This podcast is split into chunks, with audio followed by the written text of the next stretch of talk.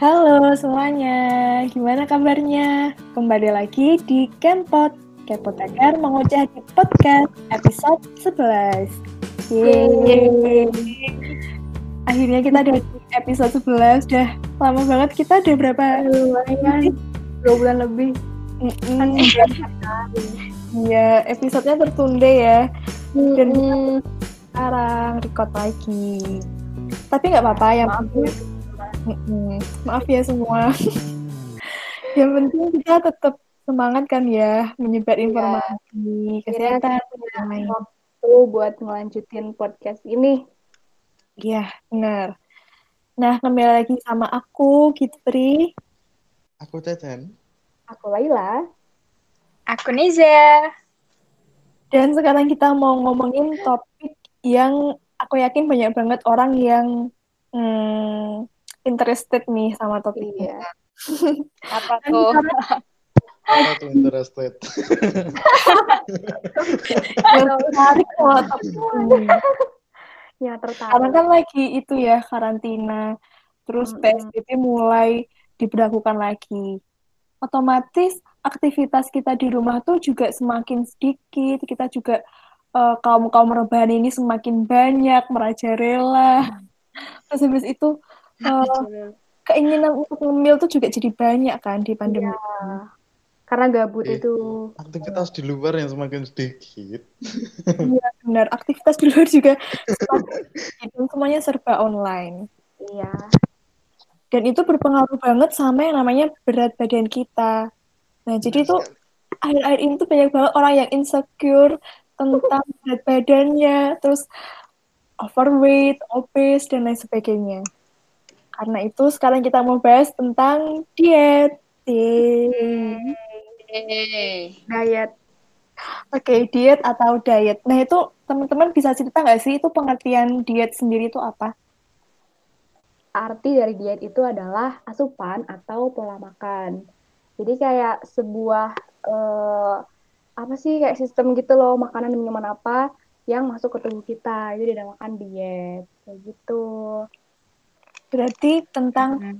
eh, pola makan itu yang dinamakan dengan diet, entah itu pola makan untuk menurunkan atau untuk menaikkan berat badan. Pokoknya untuk menjaga eh, berat badan sesuai yang kita inginkan dan pastinya sehat. Oke. Iya. Kalau misalnya ngomong-ngomong tentang berat badan nih, eh menurut teman-teman tuh berat badan yang ideal tuh gimana sih caranya kita bisa tahu, oh ini berat badanku ideal, berat badanku eh, berlebih nih. Nah itu gimana caranya? Eh, sebelum lihat ideal apa enggaknya ya, kebanyakan orang-orang tuh masih menggunakan berat badan aja gitu loh buat ngukur apakah dia sudah ideal apa belum gitu. Iya benar. Benar nggak cukup pakai berat badan aja. Kadang eh, nimbang terus beratnya segini langsung stres. Padahal eh, kalau mau lihat ideal apa enggaknya kan nggak cukup pakai berat badan. Sebenarnya Iya. ada indeks satu tubuh atau bahasa Inggrisnya BMI, Body Mass Index. Ya. Oke. Mm-mm. Betul. Nah Jadi ada body mass index. Itu apa? Hmm. Iya. itu tuh Itu indeks tuh- atau angka Mm-mm. tinggi berat badan terhadap tinggi badan dan gunanya tuh bukan buat ngelasifikasiin eh, kamu itu masuk ideal apa enggak gitu kelebihan atau kekurangan gitu Berarti rumus BMI tadi itu berat badan di dalam kilogram per tinggi badan, Tinggi badan yang kuadrat. satuannya meter, Oh. ya, Iya. terus dikuadratkan. Heeh. Oke, terus kalau misal kita udah nemu angkanya nih, angka yang tadi berat badan per tinggi badan kuadrat itu kita udah nemu angkanya. Itu klasifikasi kita itu kelebihan berat badan atau kekurangan itu gimana? Jadi ini kan udah dapat nilai BMI-nya. Terus nilai BMI-nya tuh bisa dimasukin ke kategori-kategori. Kalau berdasarkan Kementerian Kesehatan di Indonesia, itu kategorinya ada tiga. Ada yang kalau kurus atau kurang dari normal, itu nanti kurang dari 18,4 nilainya. Nah, dikatakan normal kalau misalnya nilainya itu sekitar 18,5 sampai 25.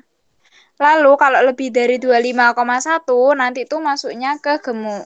Nanti gemuk tuh ada gemuk ringan sama gemuk berat. Gitu. Oke, berarti uh, idealnya BMI normal itu di rentang 18,5 sampai 25. Iya. Tuh. Berarti kapan sih kita butuh diet itu? Apakah waktu kita udah gemuk atau kita waktu normal tuh kita juga udah butuh diet?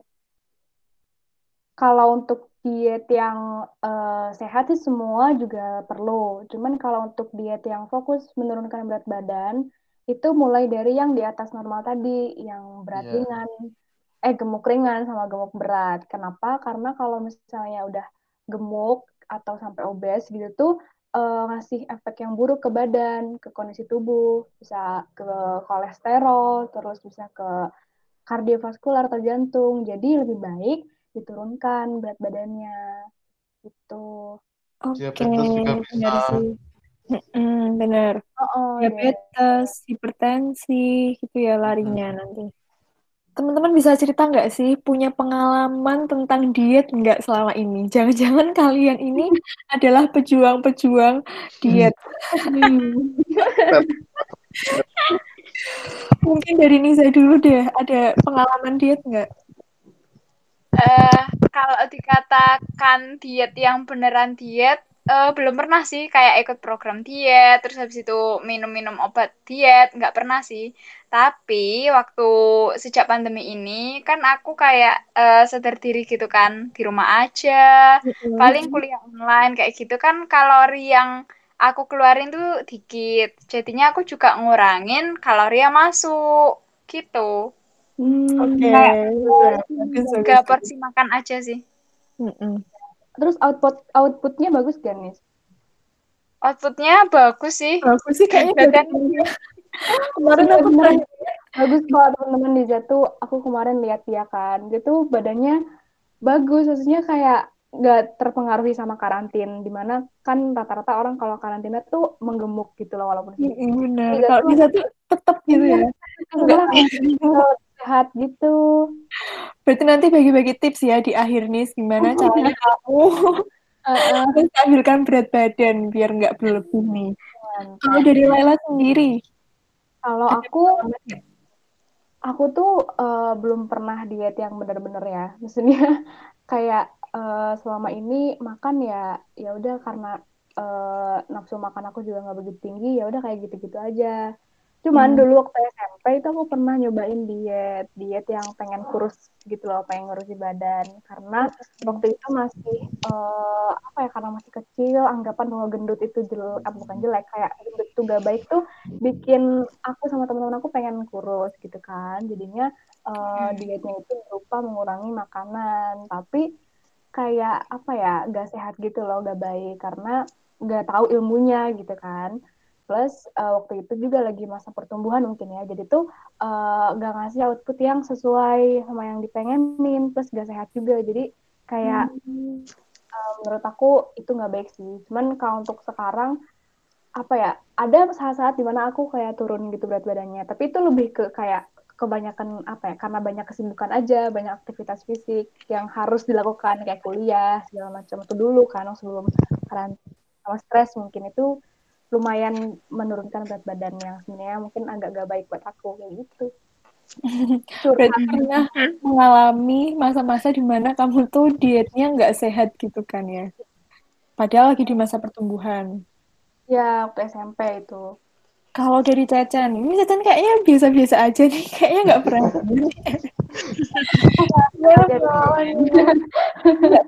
Nggak ya kamu sama berat badannya? Nggak pernah nganu sih nggak pernah melakukan program diet yang benar-benar terprogram gitu nggak pernah kayak mengatur hmm. membatasi kalori dihitung kalorinya terus sampai uh, mengkonsumsi suplemen atau obat buat membantu penurunan berat badan gitu tuh sejauh ini nggak pernah. Oke, berarti dari kita semua ini belum pernah ada yang benar-benar diet sampai terprogram apalagi mengonsumsi obat dan suplemen gitu kan ya. Iya. Iya. Eh tapi Cacan pernah nggak sih gendut terus jadi kurus? Iya. Untuk apa? Membuka aib banyak. Ya berbagi Siapa sih. tahu iya ada. Ya, mungkin nanti ada pendengar yang pernah gendut kayak saya terus pengen nggak gendut lagi gitu lah ya. Iya. Itu mulai gendut tuh kelas 4 SD itu mulai merintis kegendutan sampai Udah kayak merintis. Padahal sekarang kurus banget ya Cecen ya. sampai SD 6 terus SMP itu lagi mekar-mekarnya loh. Hmm. pertumbuhan, masa pertumbuhan. Mungkin sama apa ada kaitannya sama pubertas juga ya? Ya, Iya benar, iya sih. Pengaruh hormon juga ya. Iya. iya puber. Sampai aku pernah beli celana tuh ukuran XXL. Wah, Iya. Wow. Jarang yang tahu sih. Kayaknya enggak sih. Emang kamu sebelum apa sih dulu? Aku tuh nggak terlalu besar tapi gendut gitu loh. Hmm, berisi gitu po. Kayak buncit gitu loh.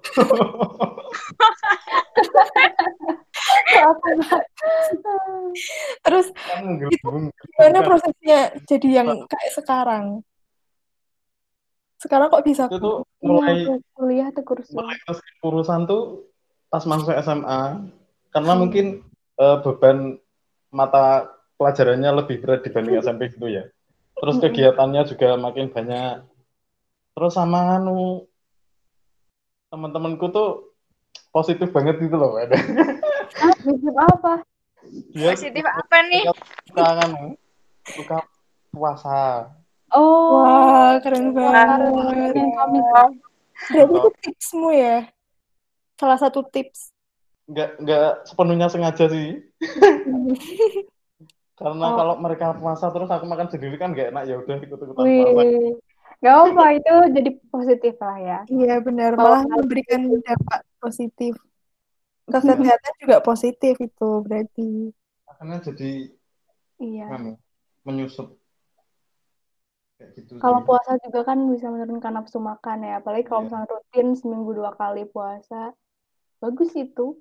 Dalam hal menurunkan nafsu makan. Sama dari situ ada poin yang bisa diambil tuh kalau pengen puasa atau program diet itu lebih baik ada temennya gitu loh kan kayak aku tadi kan puasa juga ada temennya. Nah itu tuh enak gitu loh.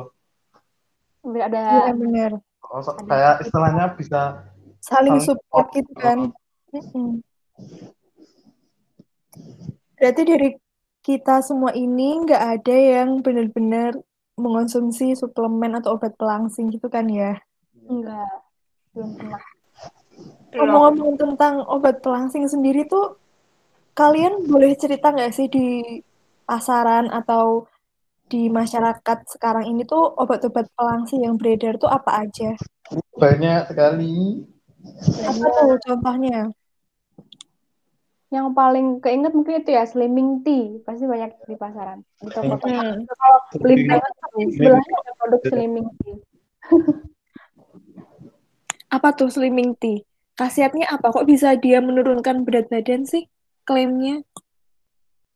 Kalau slimming tea di produk-produk itu sih yang aku baca em, apa itu mengandung bahan-bahan herbal, komposisinya itu bahan herbal yang fungsinya baik gitu loh buat tubuh, eh, terutama soal pencernaan, entah itu kayak membantu eh, menghambat pencernaan lemak, terus ada antioksidan juga, Narko. Mm-mm, terus penyerapan karbohidrat juga mungkin, jadi kayak eh, herbal-herbal yang bagus lah untuk pencernaan. Kayak gitu kalau slimming tea. Tapi itu sekarang banyak nggak sih obat-obatan yang diklaim pelangsing, dia tuh obat herbal yang buat melangsingkan eh, seminggu bisa langsung turun berapa gitu. Padahal sebenarnya yang eh, instan-instan atau berefek cepat kayak gitu tuh perlu dicurigai. Yang Iya, beberapa benar. eh, ada beberapa bahan kimia obat yang dimasukkan ke dalam obat herbal. Mm-mm. boleh eh, bisa jadi itu yang bikin efeknya manjur banget tuh itu karena ada bahan kimia obat yang dimasukkan ke ba- obat herbalnya tadi. Hmm. Jadi misal kalau ada obat herbal yang klaimnya tuh bisa menurunkan berat badan secara drastis gitu. Nah, berarti yang perlu kita curigai itu yang menurunkan berat badan secara drastis itu bukan dari herbalnya, tapi dari tambahan obat sintetis lain yang Ya. dimasukkan di obat herbal itu kan. Iya, dan apalagi biasanya gitu tuh nggak nyantumin komposisinya loh. Nah, Jadi kita nggak tahu pastinya apa, itu aman apa enggak. Atau bisa juga nyantumin komposisi, tapi di bahasa bukan bahasa Indonesia. Jadi emang biar orang Indonesia tuh nggak notice kalau ada sesuatu yang uh, bahaya di komposisi itu. atau Iya. lagi nih, dia nyantumin komposisinya, tapi yang bahan kimia obatnya nggak dicantumin. Nah itu. Iya, Iya. itu malah Tuh. lebih licik Ah, ya. sih. Mm-mm. Jadi emang perlu banget buat kita tuh sering cek-cek eh, kemasan obatnya itu ada BPOM-nya apa enggak, udah Iya, tersertifikasi apa enggak. Mm-mm. Cek klik di websitenya BPOM itu ya. Mm-mm. Apa nama websitenya? Cek BPOM gitu, nanti di search Nanti langsung keluar. Nanti ada web resminya dari BPOM. Hmm. Terus nanti kalau mau ngecek eh, udah terdaftar belum, tinggal masukin nomor registrasinya Registrasi. ke web itu. Mm-mm. Lagi pula kalau teman-teman tahu tuh penurunan berat badan secara drastis itu nggak baik loh sebenarnya. Iya, nggak baik. Menimbulkan penyakit lain nggak sih? Kayak Oh, timbul masalah-masalah baru. bener. Ya, Di jadi kayak dari tubuh jadi lemah, terus oh, oh. eh, kekurangan cairan, kekurangan nutrisi. Bener. Bisa sampai ke anemia juga. Mm-mm. Idealnya berapa sih kalau menurunkan berat badan tuh? Berapa kilo? Kalau dari Kemenkes ya ini penurunan berat badan yang dianjurkan adalah setengah sampai satu kilo setiap minggu. Hmm, berarti eh, penurunan berat badan yang aman itu dalam rentang setengah sampai satu kilogram aja per satu minggunya. Iya. Jadi kalau ada yang obat yang ngeklaim, oh turun 3 kilo seminggu atau 5 kilo seminggu itu patut dicurigai karena Hmm, benar banget. nanti malah nggak baik buat tubuh. Oke, selain slimming tea dan obat-obat herbal yang beredar di masyarakat, ada apa lagi sih? Yang klaimnya tuh untuk diet menurunkan berat badan. Selain itu ada juga susu pelangsing untuk eh, membantu menurunkan berat badan. Aku juga sering tuh nemuin susu pelangsing. Itu gimana sih? Kan biasanya susu itu kan untuk menggemukkan berat badan, untuk Ya, buat anak-anak kecil ya. ya. Nah, itu Remaja. kalau susu-susu pelangsing kayak gitu gimana sih cara kerjanya dia kok bisa eh, berguna buat orang-orang yang lagi diet? Jadi kalau susu pelangsing itu komposisinya beda sama susu-susu yang eh, dikonsumsi oleh anak kecil atau remaja yang emang fungsinya itu buat eh, malah meningkatkan berat badan gitu loh untuk masa pertumbuhan.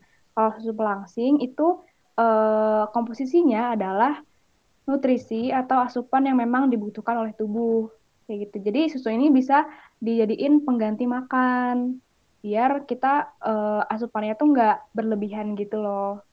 Mm-mm. Padahal biasanya tuh kalau orang-orang taunya kan susu kan buat menggemukkan ya. Kayak buat Hmm. anak-anak tuh lo biasanya kan dikasih susu biar buat pengganti dia nggak mau makan dikasih susu biar gendut gitu. Nah kalau yang ini tuh enggak beda karena tadi kayak yang dikat yang dibilang Laila.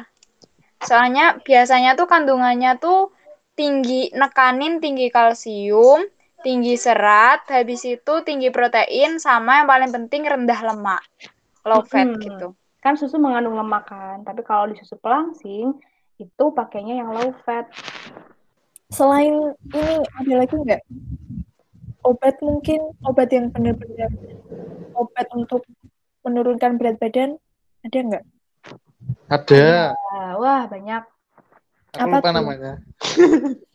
Jadi itu itu Orlistat Oh Iya, iya, obat. Orlistat. itu kan emang diindikasikan buat pasien obes ya. Berarti itu adalah Iya. obat keras, obat yang harus pakai resep dokter. Iya, itu itu. Heeh. Itu cara kerjanya gimana sih Orlistat? Orlistat itu eh, fungsinya adalah menghambat pencernaan lemak. Jadi kalau kita makan lemak nih, terus eh, Orlistat ini bakal eh, menghambat pencernaan lemak ini supaya tidak serap dan disebar ke tubuh. Jadi lemaknya itu bakal uh, turun dan dikeluarkan melalui feses seperti itu. Mm-mm. Makanya biasanya kalau orang-orang yang konsumsi early start itu nanti biasanya uh, fesesnya itu ada lemaknya. Mm-mm. Oily oily gitu ya. Iya. Beneran.